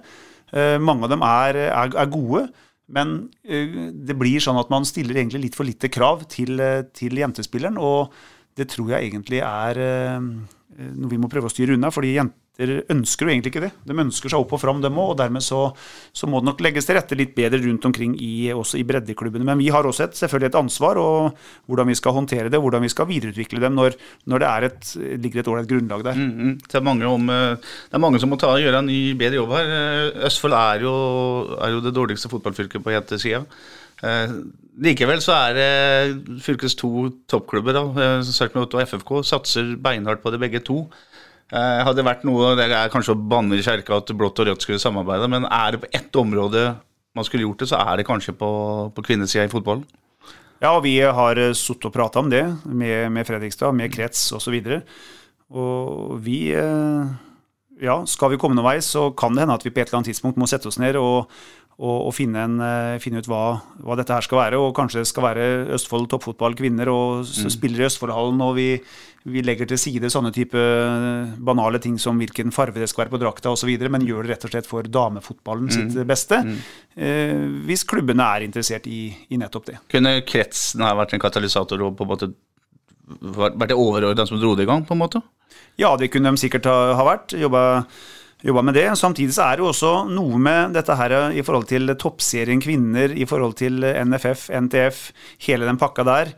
som eh, også legger litt press i forhold til at eh, de nærmest forventer og setter som krav at eh, elitelag da i, i Eliteserien og i Obos, eh, altså de to øverste divisjonene på herrefotballen, skal jobbe aktivt med damefotball. Og fasilitere for det og legge til rette for det. Så man møter seg også litt i, i døra der i forhold til et sånt eh, samarbeid. Men hvis vi klubbene i Nedre Glomma-regionen her hadde satt oss ned og sagt at eh, skal vi få til noe, så må vi gjøre det sånn, ja, så hadde vi gjort det sånn. Ja. Men uh, vi er ikke helt der nå. Nei, ikke sant. Det er fascinerende å se hvordan damefotballen uh, slår seg fram rundt uh, over hele Europa. Det var en, ble satt en rekord i, i spansk fotball nå på damefotball. Som var, det var helt enormt mye folk som er og ser på matchene. Også i England ser vi jo en eh, enorm oppsving. Ja, det, er, ja, det skjer veldig, veldig mye. Og så er det jo dette tilbake til det vi snakka om i stad, det å, å få bærekraft inn i dame- og jentefotballen, sånn at man faktisk eh, For vår del, da. Eh, altså Hvis vi skal klare å løfte det, så, så kan det ikke være sånn at damene hele tida er avhengig av at herrefotballen går bra. Eh, så lenge vi gjør det bra på herrefotballen, så på en måte kan vi, kan vi holde i gang på et visst nivå. Og den dagen som herrefotballen ikke lenger går bra, så må vi også redusere eh, det som heter damefotballen. Da, da er det ikke mye bærekraft. Så vi må, vi må jobbe knallhardt for å komme oss opp der hvor, hvor, eh, hvor den avdelingen i hvert fall i større grad da, kan bære seg sjøl. Du nevner at det handler om økonomi også på damesida. Nå ser jeg at du skal gå inn på det som sikkert veldig mange er opptatt av. Hvordan, eh, hvordan dere skal klare å opprettholde god butikk i Sarpsborg, Raymond? Ja, og da har vi jo det hele bildet. Det handler jo egentlig om eh, en, en Altså, det, det er jo ikke veldig vanskelig, egentlig, men det handler jo selvfølgelig om hvordan man setter seg ned og, og budsjetterer. Plukker inn gode tall fra året før, skanner det og prøver så godt man kan å, å gå gjennom og skape et nytt budsjett for neste år. eh, Og noe ned på avdelingsnivå, og så må man jo følge opp, og så må eh, må man eh, korrigere og tilrettelegge for dette her underveis. Og så er det det at man ender ut da med et resultat. Og så er det det som er litt annerledes i, i vår hverdag kontra en vanlig privateid bedrift, er at alt hos oss ender opp i noe vi kaller for FOS. Altså det er, det er et, eh, et FOS-regnskap eh, hvor vi skyver inn alt av tall til, eh, til NFF. Og så blir vi jo da også der egentlig satt i en bås, enten gul eller grønn eller rød bås, som forteller oss noe om hvordan det står til sånn helhetlig i, i klubben. Nå er vi i gul sone, og vi, jeg vil vel tro at vi nå går opp i, i grønn når vi nå får tilbake den neste, neste rapporten derifra. Så det er jo sånn vi, sånn vi jobber, og da handler det om helheten i, eh, i, i klubben. Eh, og så handler det noe om dette her å ha, ha eh, god oversikt, og det å kunne være og sette seg sjøl i, i, i en setting hvor man styrer prosesser som har med økonomi å gjøre, i, i større grad. Sånn at vi, eh, vi kan eh, For det ligger også økonomi i det å, å, å være ryddig og ha å være godt rigga her, som f.eks. I, et, eh, i en setting hvor man skal selge en spiller. Hvis man kan gå inn i en sånn en eh, setting med litt lavere skuldre, litt mer hvilepuls, og vite det at det her kan vi være litt tøffere, vi kan stille litt større krav til dem som faktisk er interessert i spilleren vår, så ligger det også økonomi i det. Som regel da så kommer man ut Først så gir man et eh, ganske sterkt signal om at vi, vi må ikke noe som helst, men eh, vi kan gjerne være med og prate hvis det blir på, litt mer på våre premisser. Og det ligger det gjerne enda mer økonomi i. Eh, Så der er vi, der er vi akkurat nå. Eh, Vi føler at vi har såpass god kontroll og, og er i en setting hvor vi, hvor vi kan være, vi kan være litt, litt tøffere i trynet når vi skal ut og prate med, med andre. Eh, Så skal vi være ydmyke nok til å si at det, det snur fort, og det, er, det, det kan snu veldig kjapt. Men akkurat nå så føler vi at vi er ryddig og godt rigga til å styre mer av den prosessen sjøl. For det er jo sånn at eh, det må være to vidt forskjellige ting allikevel. Da, å styre en fotballklubb der et spillesalg eller spillerkjøp kan avgjøre hele, eller snu bildet, som du sier, kontra f.eks. når du styrer Proso, da, da, der forutsigbarheten vel var eh, langt større. Eh, Hvordan er det der å liksom, ha ansvaret for eh, en, en økonomi som, som kan hoppe og litt? da? Ja, det er jo det, altså det, det er jo det kan være krevende til tider, fordi man ønsker jo alt, man må alltid balansere dette her. Da. Man ønsker jo selvfølgelig å ikke sitte nede og slå huet i bordplata ute i oktober-november, hvor man ser at, der, at kassa er tom. Eh, Det må man jo styre godt unna. Samtidig så må man jobbe godt hele veien med å prøve å legge så godt til rette som mulig for at vi kan utvikle oss og vi kan skape et fotballag som gjør det godt, og skape en klubb som, eh, som er styrt på rundt dette med, med, med sunn økonomi. Men det er eh, Ja, ja det, er, det, det kan være til tider krevende. Og så er det også sånn at når man selger spillere, så er det jo sånn at man får jo ikke alt dette her inn eh, på, på konto med en gang. nei. Eh, vi, har jo et, vi vil jo snart legge fram på årsmøtet et, et veldig godt resultat for, eh, for 2023. Høy omsetning, godt overskudd. Men så er det jo sånn at eh, dem, eh, mye av de kronene der sånn, dem, dem ligger jo fortsatt ute i, ute i Europa. Vi, vi har ikke fått alle, alle kronene ennå, og dem får vi gjerne da. Det er jo, noe kan vi få alt i en vending, men de større transaksjonene de blir gjerne delt opp i både tre og fire og fem rater. og Det meste vi har vært borti, var åtte rater. Ja. Og det er klart, da, da vises Fordi uh, i regnskapet så synliggjøres hele salget det året det skjer. Mens pengene kan jo la seg vente på i både to og tre og fire år, faktisk. Så det er noe med det å ha uh, det store bildet der og sørge for at man har forutsigbarhet i det og vet at man får arbeidskapital og tilført likviditet kommende år. Kommer man inn i en god steam der, du, hvor man hele tida har noen egne spillersalg, det er stadig litt videresalg ute i Europa, og man klarer å tilføre likviditet hele veien, så, så, så er det artig å jobbe med økonomi. Ja, ikke sant? Ja, ja. Men da er jo fokuset som dere hadde på tidligere, som du nevnte i stad, at eh, dere jobber med å få, en, eh, få et- system i logistikken som, som funker over tid. Og da, da blir det jo litt mer forutsigbar i det, da, for da, da vet man jo at eh, det slår til et bra salg ved jevne mellomrom her.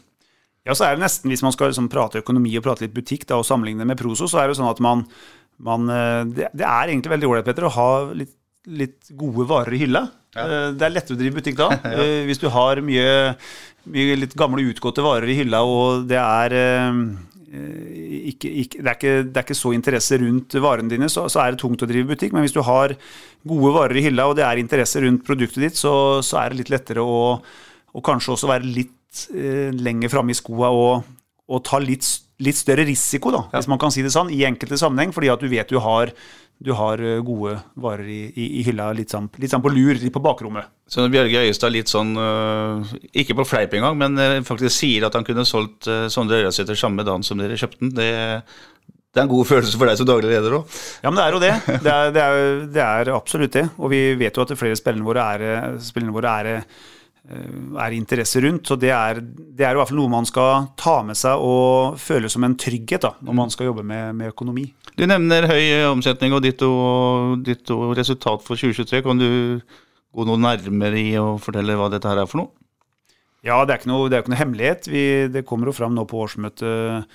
Vi hadde jo i fjor en omsetning på drøye 140 millioner. Vi går et overskudd før avskrivninger på rundt 27 millioner, og sitter igjen etter avskrivninger på, på rundt 20. Eh, Det er et godt år for Sarpsborg 08. Det skal vi være veldig veldig stolte av, hva vi har klart sammen å, å få til rundt det.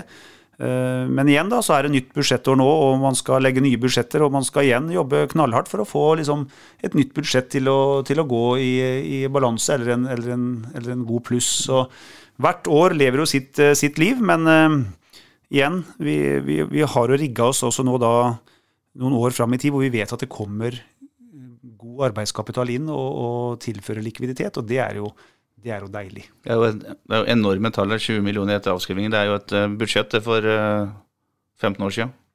Ja, det, ja, det er det. Eh, Men vi må liksom prøve å, vi skal være stolte av det, og vi skal ta det til oss. og Vi skal, vi skal gi hverandre kred for hva vi har skapt sammen, men vi skal samtidig være klar over at, det, at det, det snur fort, og at vi skal forvalte dette på en ryddig og god måte. og Igjen da, ha god oversikt, sånn at vi, vi vet hva som, hva som kommer i åra framover, og at vi kan planlegge ut ifra det. Mm. Litt eh, Tida flyr her, eh, Petter. Ja, ja, vi har, vi har god tid fortsatt. Ja, vi koser oss nå. Vi har litt rundt markedsavdelingen, litt i forhold til bevisstgjøring av hvordan, eh, hva de skal jobbe med, og, og hvordan de skal jobbe imot både eksisterende samarbeidstaler og utvikle nye. Rundt det kommersielle og, og den biten der. Vi har litt om uh, Proso i forhold til uh, at vi eier jo 100% av Proso, Uh, og litt hvordan de er organisert. Vi kommer inn på dette med, vi må ta med oss også der den medieavtalen, og være klar over at det er fire ting som spiller inn når det gjelder medieavtalen. Vi har jo TV 2 heldigvis med oss på, på laget der, som jobber ekstremt godt med norsk fotball. Eh, og skaper interesse og løfter virkelig produktet. Og ut ifra det så er det en medieavtale som, som fordeles ut ifra Det går selvfølgelig på hvordan vi presterer og tabellplasseringen vår, og så har vi historikken. Og så har vi dette med kommersiell attraktivitet, og så dette med akademiklassifisering. Det er de fire store bolkene som, som spiller inn på i forhold til hvor mye vi får ut av den medieavtalen. Så det er jo en viktig del i forhold til det økonomiske bildet. Og så er det den FOS-rapporten da som vi har prata om, som, eh, som er da NFF sitt system i forhold til oppfølging av, av hver enkelt klubb. Så er det jo sånn, Det handler jo ikke bare om inntekter, det handler også litt om kostnader. Det å ha kostnadsfokus. Det å forstå egentlig hva, hva det betyr. At vi har fokus på, på dette med forbruk. Vi må ha respekt for klubbens eiendeler og hvordan vi, hvordan vi skal forvalte dette her. Eh, Så går det på spillogistikk, som vi må også dra med oss inn her som en del av den sunne økonomien. Når vi snakker om kostnader, så har jo en, eh, etter hvert en meget betydelig lønnskostnad her. I, ikke bare i spillergruppa, men også i Det er en svær administrasjon og en svær klubb blitt. eh. Jeg spurte Bjørge Øyestad om det òg. Hva er det egentlig Hva er på en måte premisset for løn, avlønning av fotballspillere i Sarpsborg 8 nå? Det, har dere noe, satt dere noe øvre tak, f.eks., som dere går etter når dere ansetter eh, nye fotballspillere? Nei, vi, har, vi har jo ikke noe altså vi, vi, vi har jo ikke noe tak. Det er jo ikke sånn at vi har på en måte et årsmøtevedtak på at en spiller ikke kan koste mer enn en det eller det. Men vi, eh, det handler jo liksom litt om situasjonen man er i, og så må man da i tillegg ha såpass god oversikt over eh, kanskje de både to og tre neste åra, sånn at man vet hva man går inn i òg, når man forplikter seg til, eh, til en ny spiller og, og lønn og sign-on og alt det som, som henger med. Og det er vel kanskje det som vi også skal se på litt i framtida. Det er dette her med at vi eh, Det kan hende det er fornuftig for et eh, elitelag å budsjettere med kanskje to og tre år, faktisk. Så man ser sammenhengen i det og kan jobbe med, eh, med, med litt lengre perspektiv da, enn bare ett år fram i tid. fordi eh, som jeg sa i stad, dette her med likviditet og tilført arbeidskapital i forhold til tidligere spillersalg, det, det er jo med på å legge litt føringer for hvordan man kan angripe eh, en, eh, et, et marked, det òg. Så, men tilbake til det spørsmålet du stilte, så er det ikke sånn at vi Nei, vi har ikke noe, vi har ikke noe øvre eller nedre grense for det, men det er veldig sånn situasjonsavhengig og egentlig avhenger av, av helheten i, i klubben. Men jeg skjønner at folk eh, lurer litt når eh, Først så kommer den kanskje mest attraktive eh, spilleren, i hvert fall fra førstedivisjon, Sondre Øyasæter til klubben. Og så kommer Jo Inge Berget, som er en uh, rev som har vært og spilt fotball i både i Skottland og England og USA bl.a. Og, og så sist så kommer en kaptein til QPR i championship uh, fra i fjor. Kommer liksom inn døra på stadion. Jeg skjønner at folk lurer på om ikke dere har begynt å avlønne folk i litt for høy grad da? Ja, jeg, jeg, forstår det, at det, det kommer, men vi, det kan jeg med hånda på hjertet si at det, det gjør vi ikke. Dette går ikke på, på eh, kompromiss med noe av det vi kan stå inne for, eller noe av det, akkurat, det, det ja, vi akkurat har prata om nå. Så vi eh, Nei, vi, vi, vi, vi går ikke på akkord med oss sjøl på noe som helst av disse casene her, sånn, så det er, eh, det er Det er vel andre ting da som gjør at det blir til, Ja, ja, Sarpsborg. ja, ja. Det, er, det, er, det vel det, men vi, vi har nok vi har nok truffet godt. og jeg, jeg tilbake igjen. Vi, vi, vi har folk i, som jobber med sport i klubben, som er, som er dyktige. Som eh, klarer å trykke på de riktige knappene. Og litt igjen, bare tilbake til uh, hvordan vi håndterte som klubb uh, Sondre Ørjasæter når han uh, kom inn. Hvordan flere jobber med å tilrettelegge den første kvelden han er her, med, med familien, med, med spilleren. Forbereder oss godt. eh, i forhold til å legge fram eh, analyser av spilleren. Og, og jeg tror nok folk som kommer, føler eh, at de blir godt ivaretatt. Og kommer til en klubb som, eh, som mener noe med det vi eh, både sier og, og gjør. Og det, det er også med på å bikke det riktig, riktig vei. Og da litt tilbake igjen da. Her er det folk i, da, i, litt bak i kulissene som som jobber utrolig godt og legger til rette for at de som er litt mer synlige, eh, kan eh, sette seg ned og jobbe godt med en spillerovergang. Så igjen tilbake til eh, Dag Tore f.eks. på analyse, til eh, John på keeperbiten, eh, Louise altså i, i, som jobber i bakgrunnen der. Men det er jo hele pakka her sånn, som, som egentlig vi selger inn. Mm. og det er, eh, det er bra, og det er stødig, og det er vel kanskje derfor vi da får den spillerne til, til Det er lagarbeid, dette her. Absolutt, i aller høyeste grad.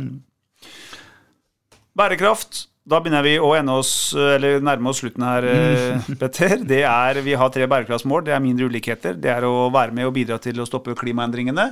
Og det er samarbeidet for å nå disse her eh, målene. Og så har vi dette her med rett kompetanse. Det er, det er kanskje det viktigste som vi holder på med. Eh, I hvert fall en av de viktigste tinga. Det er å, å få på plass riktige mennesker eh, som, eh, som kan dra klubben videre, og som kan være med og, og, og utvikle.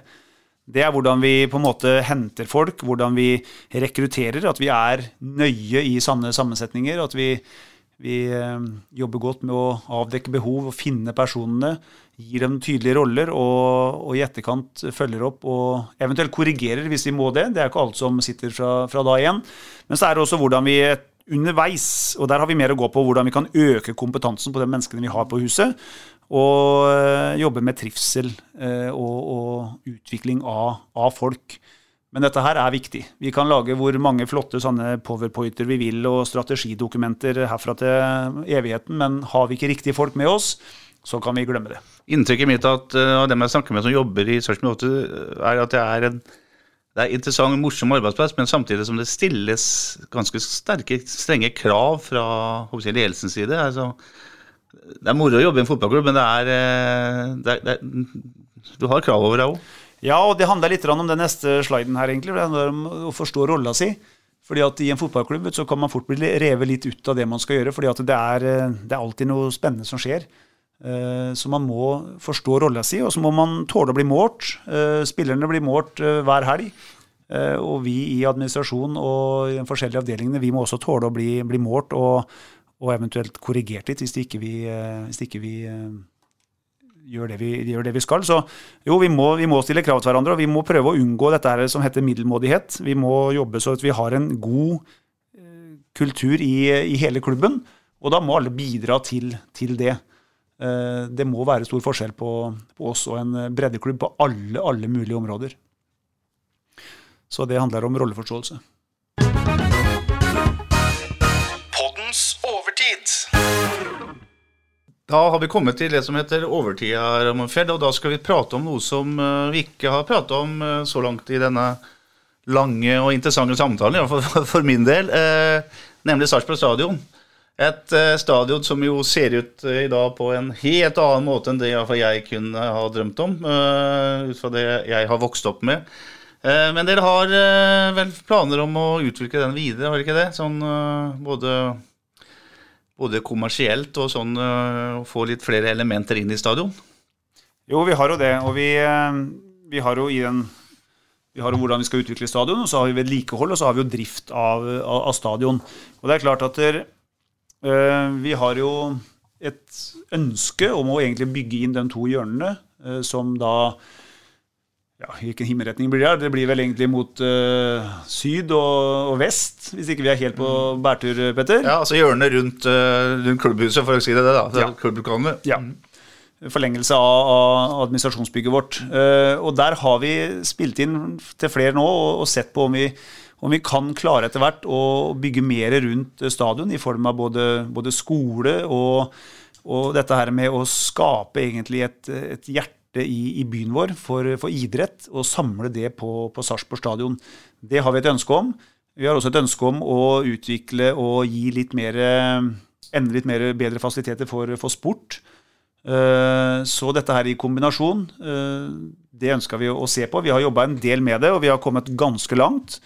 Og etter hvert nå fått sendt av gårde litt eh, både tegninger og litt eh, type ting til, eh, til noen som kan være interessert i å, i å være med, med på dette her. Sånn. Så jo, vi har kommet et godt stykke på vei, og det ville vært et, et ja, deilig steg også fått bygd inn de to, to hjørnene der sånn, og, og fått lokka stadion den, den, veien. Det ville gjort mye med både atmosfæren der inne og, og helheten på, på stadionet vårt. Mm. Du nevner skole, Raymond. Hva, hva konkret er det dere tenker på da? Vi tror og mener at det å eh, spisse tilbudet rundt toppidrett og idrett i, i byen vår opp imot eh, skolehverdagen og sette dette enda mer i system, og kanskje løfte det inn i et elitemiljø som det er på, på stadion, det tror, kan, eh, det tror vi kan være bra både for oss som klubb, for andre idretter i byen, altså håndball, hockey, du har langrenn, bryting, du har en rekke idretter som er representert på, på toppidretten både på St. Olav, men også på, på Borg videregående skole, Greåker og, og Kalnes, så er jo, så er jo eh, utdanning linka tett opp imot uh, idrett. Og det å sy dette her sammen, få til et opplegg og skape en, en arena, og gjerne rundt den offentlige skolen, mm. som gjør at uh, det er ikke lommeboka til mor og far som avgjør om du kan uh, kombinere idrett og skole. Det er faktisk uh, andre ting som, som, spiller inn. Eh, det å kunne samle og ta tak i dette her, ikke bare for oss som, eh, som klubb, men for hele idrettsbildet i Sarpsborg, det har vi et ønske om, og det har vi lyst til å, å teste ut og se om vi kan få dratt det helt i, eh, helt i mål. Rett og slett flytte toppidrettene sine fra St. Olav eh, og ned på, på stadion, og så få med seg de som vil satse på, på idrett og skole kombinert eh, fra Greåker, Kalnes og Borg? Ja, om, om, man ikke klarer alt dette her, så i alle fall da skape enda et la oss kalle det et kompetansesenter da, på stadion, som, som, hvor vi samler kompetanse. Vi, vi får inn eh, si, ressurser fra alle typer idretter rundt oss som gjør at vi kan, vi kan, skape noe sammen, og vi kan totalt sett løfte hele idrettsbildet i, i Sarpsborg. Det mener vi at vi som, eh, med all respekt for, for Sparta Hockey, som tross alt har holdt et elitenivå oppe i, i, i, byen her i mange, mange år, så mener vi i hvert fall at vi er, eh, vi er en av de største merkevarene i, eh, i byen vår. og hvis noen skal få det til, og hvis noen skal gå i bresjen for et sannhetsprosjekt, så, så føler vi at, uh, at, vi må gjøre det. Og det har vi lyst til å gjøre, og vi har lyst til å se hvor langt vi klarer å, å, å dra dette her, og hvilken interesse det er, er rundt det. Vi har jo tatt en initiativ overfor f.eks. SIL og Sparta ennå, eller sånn? Vi har prata med, med, håndballen om det, og vi vet jo at håndballen sliter jo i forhold til uh, lekkasje. Uh, skal håndballen etter hvert kanskje få opp en, et, og bli en, en, klubb å regne med igjen i norsk topphåndball, så, så må det jo også mer fokus inn, og vi må sørge for at vi holder talentene lenger i byen. Eh, kanskje på sikt vi skal jobbe godt med å, å, å få på plass i samarbeidet med Høgskolen i Østfold, kanskje vi kan klare å få løfta noen linjer inn i Sarpsborg igjen, sånn at vi, vi kan ha et, eh, et, løp fra du begynner på barneskolen egentlig helt til du eh, skal opp på høyskole. Altså vi, vi, vi, må tørre å tenke litt stort, og vi må tørre å ha noen litt kule ting som henger et godt stykke fram i tid, men som vi kan jobbe imot, for rett og slett for oss å løfte og ivareta det, det idrettsbildet vi har i, i, byen her, og ta vare på alle altså barn og unge som har lyst til å få til noe. Gi dem muligheten. Det, det mener vi at vi som toppklubb i hvert fall kan gå i bresjen for og prøve å fasilitere og tilrettelegge for. Så mm. får vi jo se om hvor mange som ønsker å være med på, på veien. Mm. Tidligere var vel også snakk om å, å, flytte eh, Proso fysisk ned på stadion, altså butikken. Er det også en del av bildet her?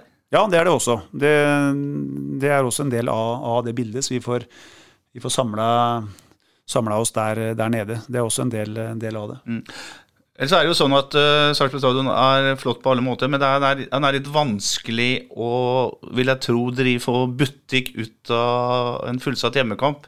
Fordi det er trangt, spesielt på hovedtribunen, uh, også på, på jernbanetribunen. Det, det, er jo trangt om plassen. Du står i kø for å komme i, i kiosken i pausa. Du, du, får kanskje ikke brukt alle de pengene du kunne tenkt å bruke. Uh, er det noe, Fins det noen planer om uh, utbygging, påbygg f.eks. på en hovedtribune her? Eh, nei, ikke sånn konkret, men vi prøver jo hele tida å være framme i skoa og tenke åssen vi kan få løst spesielt den problematikken med kiosk på, på hovedtribunen der hvor mm. folk står i kø til langt ut i annen omgang for å få mm. seg en kaffe. Det, sånn bør det ikke være. Men samtidig så er det jo sånn når man har en, eh, en, en stadion som man bygger litt på litt her og litt der, så, så blir det jo sånn. Alt blir ikke optimalt, men vi må prøve å utvikle det som er. og og få til kioskløsninger som, som er bedre enn det det, det det, er i dag, i alle fall. Men nå er det jo sånn at vi ja, De fleste kjenner vel til det, at det er jo Sarpsborg kommune som på en måte eier bane- og, og langsidene, og så eier jo vi, vi kortsidene. Og vi skal eh, vi, vi, har et veldig veldig godt samarbeid med, med Sarpsborg kommune, og de er, de er med på, på, det meste og, og, er veldig proaktive sammen med oss. vi vi, vi pleier som regel å få til gode løsninger sammen med, med kommunen. Og så er det noen ganger det rett og slett ikke er mulig å få til, fordi vi, vi har bygd på en, en, en eldre stadion. Mm. Ja. Men du er tilfreds med, med eierstrukturen her? Ja, vi føler det er uh, uproblematisk. Vi gjorde et ordentlig røsk i forhold til dette her for en uh, ja, halvannet års tid siden, hvor vi satte oss ned og, og ble mye mer konkrete i forhold til oppdeling og hvem som eier hva, så ikke det er noe sånn ting som faller mellom to stoler her. Så vi har et veldig godt og ryddig forhold til, til Sarpsborg kommune, og det ønsker vi egentlig bare å prøve å utvikle og, og, og fortelle egentlig ut av det, at vi, vi er heldige som, som, har et sånt anlegg og, og, kan jobbe på. Det som er et faktum, er at eh, det viktigste av alt på dette stadionet er jo gressmatta, kunstgressmatta. Som uh, spillerne i Sarpsborg 8 er ikke veldig kritiske til, og som også eliteseriespillerne som, som en helhet er uh, veldig negative til. De fikk vel den dårligste scoren av alle, alle baner i Eliteserien i fjor. Uh, vil det bli trøkka på fra Sarpsborg 8 side å skifte det dekket før eh, planen, som vel egentlig er sommeren 2025? Ja, vi, ja, vi, vi presser på. Det skal alle tro oss på. Vi, det er litt todelt dette her, fordi vi har et vanningsanlegg som, eh, som har gått ut på dato. Som uh, gir altfor lite vann ut på banen. Uh, og det må byttes. Uh, så det er egentlig ingen grunn, altså, grunn til er det. Men det er, ikke noe, det er ikke noe vits å bytte kunstgress hvis man ikke bytter vanningsanlegg. Nei. Det må henge i hop. Vi har samme gress, vi har samme innfyll og vi har samme pad som de har på Intility. Men vi har et vanningsanlegg som ikke er i nærheten av å holde mål. Så på en vanlig tørr sommerdag Sola bør ikke skinne engang. Det kan være 18 grader i lufta og overskya. Så er den banen tørr etter kvarter 20 Du får rett og slett ikke nok vann i løpet av pause, f.eks.? Altså. Nei, vi gjør ikke det. Og da blir det, da blir det tørt, og det blir mye friksjon. Og det, igjen så er jo det, så er jo det ikke bra for, for, spillerne. Så vanningsanlegg, det, er, det må bare på plass, uh, uansett. Uh, og når det, gjelder, når det gjelder banen, så, så er det en uh, en sak som vi, vi, jobber godt med nå. Har hatt noen gode møter med kommunen. Uh, og, og se hvordan vi kan, uh, hvordan vi kan løse, løse, det. Vi bytta jo innfyll her for to år siden. Noe som, som hjalp noe, men nå er også banen i en en forfatning at den, den, må, den, må, byttes. Det er en ny test nå i mai måned som ja, det, det, spørs, den, det spørs hvordan, det, hvordan, det, går. og Da kan vi eventuelt få en, en disp da, til å spille ut, ut, året, men da må vi opp med, med løsninger på hvordan den skal byttes til neste år. Mm. Så vet vi det at det å bytte kunstgress er en det er ikke mange lommene i året du har Nei. til å gjøre Nei. det, fordi at temperatur og, og værforhold spiller, mm. spiller, også inn her. Men uh, igjen, vi snakker godt med Sarpsborg kommune om det, og håper vi kan få til en, en løsning som, uh, som uh, er bra. Det er en litt større investering enn bare, bare gressteppet denne gangen også, pga. vanningsanlegget? Ja, vanningsanlegg må på plass, og, og, men pad og sånne type ting, det, det skal, være, skal, være, bra. Men det ser man også når man, man løfter av eventuelt det, det, gresset som er der. Men uh, vanningsanlegg er, er, et, er et måste, uansett mm. hva man gjør og ikke gjør med banen. Kan det, være, kan det være aktuelt for dere som klubb å, å forskuttere noen kommunale kroner her, eller er det er ikke det aktuelt? Ja, Vi har, vi har prata med, med, kommunen om det òg. Jeg hadde møte her for ja, halvannen uke siden hvor vi prata om mange typer ting. og det, det, er jo noe som vi har lagt fram at vi kan være med og, og se på, men eh, det må kommunen styre og, mm. i, forhold til, uh, i forhold til det. Så jeg tror vel ikke det er uh, Det er nok kanskje ikke det det største argumentet, akkurat, akkurat det. Nei. Og den eneste lomma i sesongen som kommer etter at eh, første kamp er spilt, er vel egentlig i juni måned under denne EM-pausa, da, når det er en ja, tre uker uten noe match, vel. Ja, der har vi en bortekamp mot Kristiansund før vi ja. går til den pausa der, sånn, så det er jo et Bare en måned der, da. Det er jo egentlig en måned der ja, som, som, det går an å, å gjøre sånne type, type, ting på. Bra. Hvordan er Sarpsborg stadion med tanke på det kommersielle? Vi snakka om hovedtilbudet, men ellers, det har jo dere trakterer jo hundrevis av gjester for eksempel, til hver hjemmekamp. Det virker som det VIP-systemet fungerer bra? Ja, det fungerer veldig bra. Vi har jo hovedvippen vår borte i administrasjonsbygget vårt, og så har vi jo Borregaardsvippen på hovedtribunen, og det, det, fungerer bra. Det er stort sett stimbrakke hver gang. Og nå merker vi jo litt ekstra trøkk i år, spesielt eh, til folk som ønsker å, å skaffe seg både bord og, og plasser til, til, en litt spesiell kamp ute i september der. når... Ja, ja eh, når Fredrikstad kommer på besøk. Så det er klart at det sanne kamper det er bare med på å, å, å trigge det litt ekstra. Men jeg syns jo vi er vi har det bra på stadion. Vi, vi jobber under gode forhold og, og, og gode fasiliteter, så vi, vi, er jo sånn i store og hele så er det vi, vi er jo veldig fornøyd. Så bare vi får tatt den, den banen her nå, dette vanningsanlegget, så er vi så er vi veldig klare, vi. Og det med å utvikle en sånn stegvis og gradvis som dere har gjort nå, det, det kommer også til å fortsette med i framtida? Ja, vi har jo et ønske om å utvikle det så langt vi, vi kan. Og så er det jo også viktig at når vi snakker om bærekraft og sånne type ting, så er det viktig at når vi gjør sånne ting, at vi, vi har gjort en såpass god uh, jobb i forkant. Altså at det, sånne prosjekter det bærer seg også sjøl.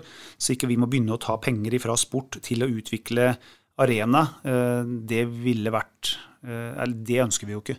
Så vi må jobbe godt og så at dette her blir også et bærekraftig prosjekt. Og når det først er på plass, og vi ser at det er eh, det, er det så, så, kan vi, så, kan vi, ta de neste stegene. Mm. Så bra. Da var du vel så å si gjennom hele strategiplanen din, da, Ramon? Jeg tror det var litt til over. litt til, ja. Ikke dårlig det på halvannen time. Nei, det var veldig bra. Jeg tror at uh, mange som har hørt på dette her, uh, og som kommer seg gjennom denne podkasten, får iallfall et uh, forsterka inntrykk av at uh, det er ikke så veldig mye som er overlatt til tilfeldighetene nede på Sarpsborg stadion om dagen og i klubben Sarpsborg 08. Det, det jobbes bra, virker det som, Raymond? Ja, jeg tror det. Vi er en, en bra gjeng. Og, så vi Jo, det jobbes bra. Fotballkallen i deg, er en, eh, er optimist foran sesongen? Ja, han er det. Det er ikke noe grunn til noe annet heller, vel? Nei, vi, vi, vi, er, Han er det, også. Vi, vi syns vi har noe spennende på gang. Og vi, vi har vel litt sånn som eh, Magnus Edlund blant annet sa når han dro fra oss og ned til IFK nå, at det, noe, det ligger noe her nå litt sånn uforløst som, eh, som, snart må på en måte slippe ut. Og det, det kan hende at det skjer i, i, sesongen vi går inn i nå. Ja, han, eh, Bjørge Øyestad brukte begrepet at han ville hive en fleskebeta ut til sarpingen nå for å gi dem litt ekstra. Eh, og Det betyr jo at man må steppe opp litt da, i cupen eller serien. Ja, og det er jo eh, også er det jo å få dette her Vi har jo hatt en lei tendens til å få en dupp da, i dette mm. sommerhalvåret som vi må prøve å, prøve å unngå, og sørge for at vi drar med oss flere poeng i den perioden der. Så vi er ikke langt unna, vet du, Petter. Vi, vi er jo egentlig ikke det. Så nei, fotballkallen er positiv. ja, det er bra. Da lar vi det være siste ordet. Det var altså daglig leder Raymond eh, Fjell i Sarpsborg 08 som har fortalt om eh, rett og slett eh, i detalj hvordan klubben er på stadion drives. Og det var en veldig fin prat. Vi kommer tilbake med en ny SA-pod etter at det har spilt et par kamper til. Det er KFUM førstkommende fredag, og så er det Moss neste lørdag. Begge kampene ser du selvfølgelig på SA-TV og på Direktesport. Prekes! SA-podden presenteres av Fleksi. Regnskap med et smil. Ukens annonsør er Hello Fresh. Hello Fresh er verdens ledende matkasseleverandør og kan være redningen i en travel hverdag. Mange av oss har nok vandret i butikken både sultne og uten en plan for middagen, som ender med at vi går for de samme kjedelige rettene gang på gang. Middag burde være dagens høydepunkt. Som Hello Fresh kan du nå velge mellom 25 ulike retter hver eneste uke, eller få Hello Fresh til å sette sammen menyen for deg.